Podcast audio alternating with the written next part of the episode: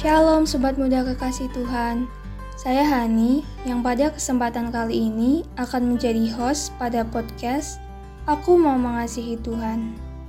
Tentunya Sobat Muda sudah sering mengikuti setiap episode dari podcast ini kan? Podcast yang dibuat oleh Wonogiri Student Revival atau WSR ini mengajak Sobat Muda untuk belajar mengasihi Tuhan Podcast ini akan rilis setiap hari Jumat jam 3 sore. Jadi setialah mengikuti setiap episodenya ya. Jangan sampai ada yang terlewatkan, supaya sobat muda bisa belajar dengan lengkap dan bisa mengalaminya dalam hidup sobat muda semua. Oke sobat muda semua, sekarang kita akan ngobrol-ngobrol lewat segmen BDW, Bincang-Bincang Teman Weekend. Pada BDW kali ini, saya tidak sendirian saya akan berbincang-bincang dengan tamu spesial untuk bisa belajar bersama. Siapakah tamu spesial kita kali ini? Jangan ke mana-mana, stay tune terus di sini ya.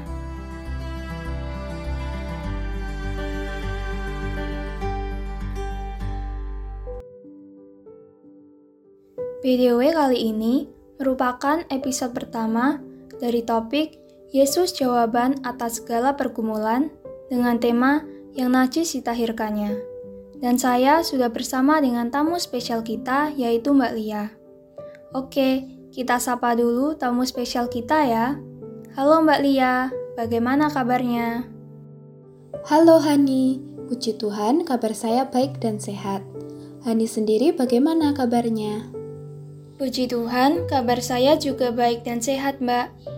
Kiranya sobat muda semua juga dalam keadaan yang baik dan sehat ya. Sesuai dengan tema hari ini ya mbak, yang najis ditahirkannya. Apa nih mbak maksudnya? Siapa yang najis dan siapa yang ditahirkan oleh Tuhan Yesus? Oke Hani, kali ini kita akan belajar dari dua peristiwa di Alkitab, yaitu dari Matius 8 ayat 1 sampai 4 yang berjudul Yesus menyembuhkan seorang yang sakit kusta. Dan Matius 9 ayat 19 sampai 22 yang berjudul Perempuan yang sakit pendarahan. Di sini ada dua tokoh, yaitu orang yang sakit kusta dan perempuan yang sakit pendarahan. Kedua orang itu sama-sama dalam kondisi najis karena sakit yang mereka derita. Menariknya, mereka juga sama-sama beriman kepada Tuhan Yesus. Mereka percaya bahwa Tuhan Yesus itu adalah Allah yang berkuasa mentahirkan atau menyembuhkan mereka. Dan karena iman mereka pada Tuhan Yesus itulah yang membawa mereka pada kesembuhan dan keselamatan. Baik, Mbak, supaya saya dan juga sobat muda dapat memahami dua kisah atau dua perikop ini dengan tepat dan jelas, kita satu-satu dulu ya mbak. Kita mulai dari orang sakit kusta yang disembuhkan Tuhan Yesus dari Matius 8 ayat 1 sampai 4. Apa sih mbak menariknya dari kisah ini? Lalu, apakah seserius itu kenajisan orang yang sakit kusta? Dan saya penasaran juga, apa sih yang membuat Tuhan Yesus mau menyembuhkan orang sakit kusta ini? Lalu yang terakhir, mengapa ya di akhir itu Tuhan Yesus melarang orang ini untuk tidak memberitahukan kejadian yang dia alami dengan Tuhan kepada orang banyak, tetapi Tuhan menyeruhnya untuk pergi menemui imam. Perikop ini sangat menarik kita pelajari Sebab baik Tuhan Yesus maupun orang yang sakit kusta sama-sama melanggar hukum Allah. Kok bisa sih melanggar hukum Allah adalah hal yang menarik? Mengapa Tuhan Yesus melanggar hukum Allah padahal dia sendiri adalah Allah? Mari kita ulik perikop ini. Peristiwa ini diawali dari Tuhan Yesus yang turun dari bukit setelah ia berkhotbah di atas bukit di pasal 5 sampai 7 dan orang banyak berbondong-bondong mengikuti dia. Lalu datanglah seorang yang sakit kusta menghampiri Tuhan Yesus dan meminta jika Tuhan berkenan untuk menyembuhkan sakit kustanya. Tuhan Yesus mau menyembuhkan dan ia menjamah orang sakit kusta itu. Seketika itu juga sembuhlah orang itu dari sakit kustanya. Di akhir, Tuhan Yesus memberi pesan supaya ia datang kepada imam, memperlihatkan kesembuhannya, dan juga memberikan persembahan sebagai bukti bahwa ia sudah sembuh dari sakit kustanya. Sama seperti hukum Allah yang diperintahkan Musa di Imamat 14. Orang yang sakit kusta secara rohani itu najis di hadapan Allah dan secara fisik itu merupakan penyakit yang berbahaya karena menular. Oleh karena itu, hukum tentang sakit kusta di Imamat 13 adalah orang itu harus disingkirkan, dikucilkan, dan diasingkan dari masyarakat. Dan dia harus berteriak, najis, najis, selama perjalanan dari tempat pengasingan ke tempat imam, supaya orang yang sehat menyingkir dari orang kusta itu. Jika tidak, maka orang sehat itu akan menjadi najis pula. Nah, yang dapat memutuskan orang itu kena sakit kusta atau sudah sembuh dari kustanya hanyalah imam. Pada waktu itu, sakit kusta tidak ada obatnya, dan orang-orang Yahudi mempercayai bahwa hanya Tuhan saja yang dapat menyembuhkan. Orang sakit kusta di perikop ini sedang melanggar hukum Allah sebab dia datang menghampiri Tuhan Yesus di sekitar banyak orang yang mengikuti Tuhan. Mereka kan orang-orang sehat. Tapi kita tahu bahwa orang sakit kusta ini memiliki iman yang besar pada Tuhan Yesus. Orang ini datang dan sujud menyembah pada Tuhan Yesus serta mengatakan pada ayat 1 dan 2, jika Tuhan mau, bukan jika Tuhan bisa menunjukkan bahwa dia sangat mempercayai bahwa Tuhan Yesus bukan hanya sekedar manusia biasa, melainkan Yesus adalah Allah yang berkuasa menyembuhkan penyakitnya. Orang sakit kusta ini percaya bahwa pribadi Yesus itu adalah Allah. Tuhan Yesus pun juga sedang melanggar hukum kenajisan, sebab ia menjamah orang sakit kusta yang najis ini. Tetapi menariknya, saat Tuhan menyentuh orang sakit kusta itu, ia tidak tertular kusta, dan malahan orang yang sakit kusta itu sembuh. Wah, kok bisa ya Tuhan Yesus nggak tertular? Ya jelas bahwa Yesus itu bukan sekedar manusia, dia juga adalah Allah. Tuhan Yesus adalah Allah yang berkuasa untuk menyembuhkan sakit penyakit. Setelah itu, Tuhan memberi pesan supaya orang itu tidak memberitahukan kejadian yang dia alami dengan Tuhan kepada orang banyak. Walaupun sebenarnya waktu itu ada banyak orang yang mengikuti Tuhan dan melihat secara langsung kejadian ini.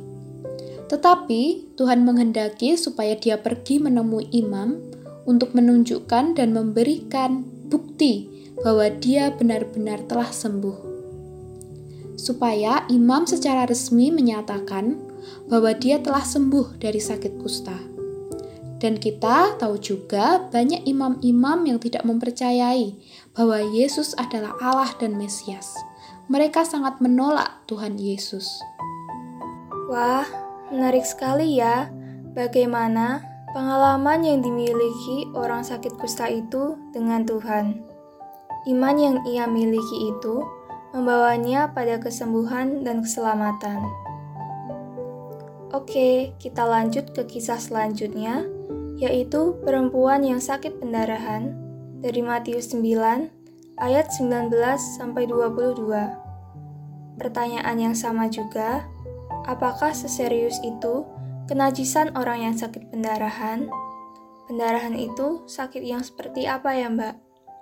Lalu, bagaimana perempuan ini mengekspresikan imannya pada Tuhan Yesus sehingga dia dapat mengalami kesembuhan dan keselamatan.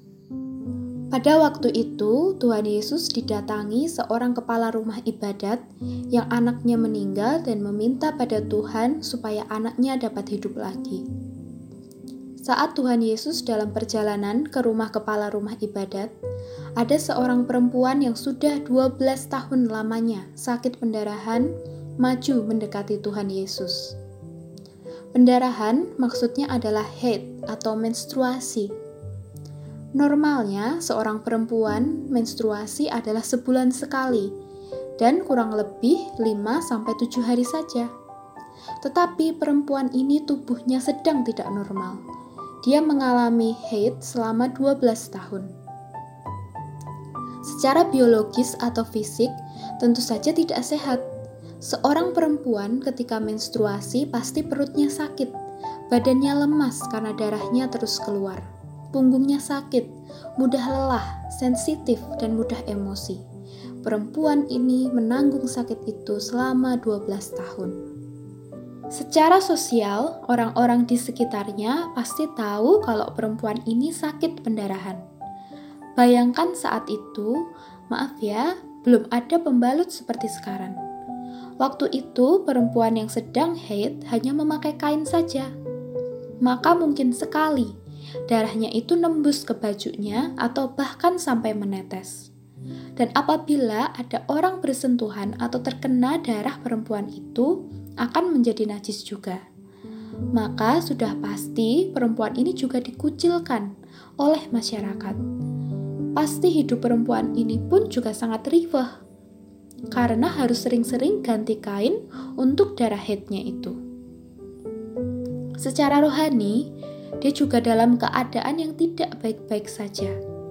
Dalam hukum Taurat pada Imamat 15, perempuan yang sedang haid atau mengeluarkan lelehan berupa darah adalah najis selama tujuh hari. Dan itu adalah waktu rata-rata seorang perempuan mengalami menstruasi.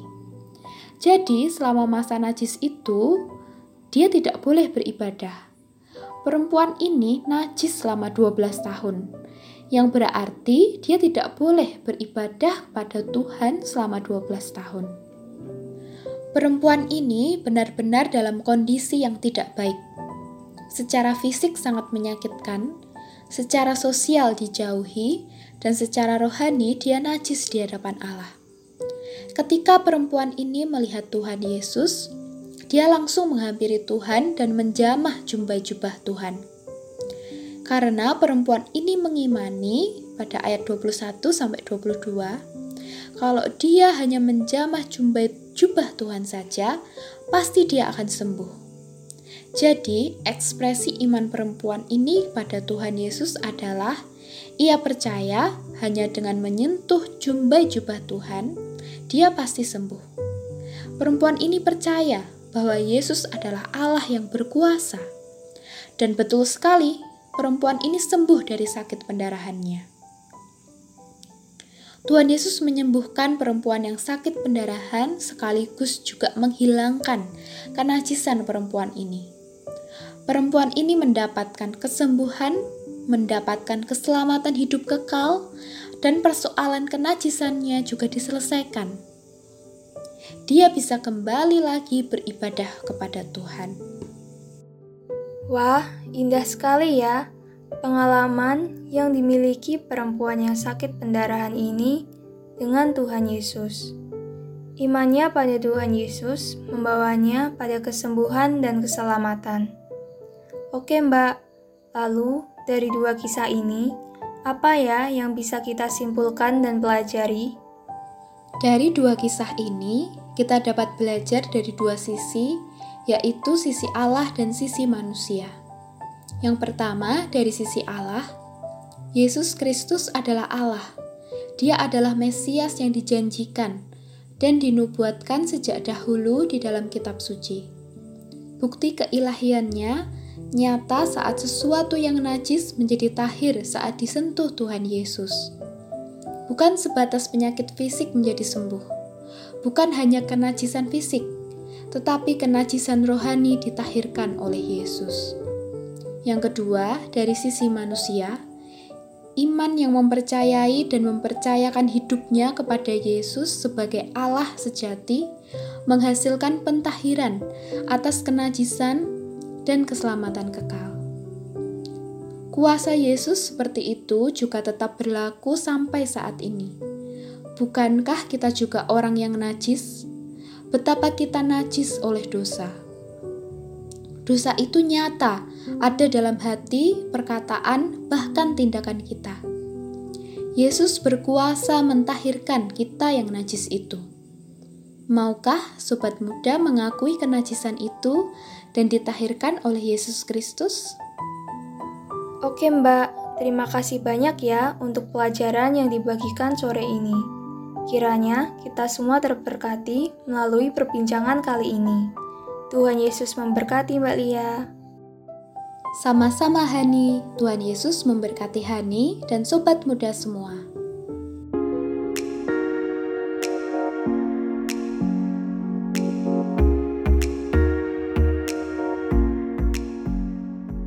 Sobat muda kekasih Tuhan, senang sekali ya hari ini kita bisa belajar bersama lewat bincang-bincang teman weekend.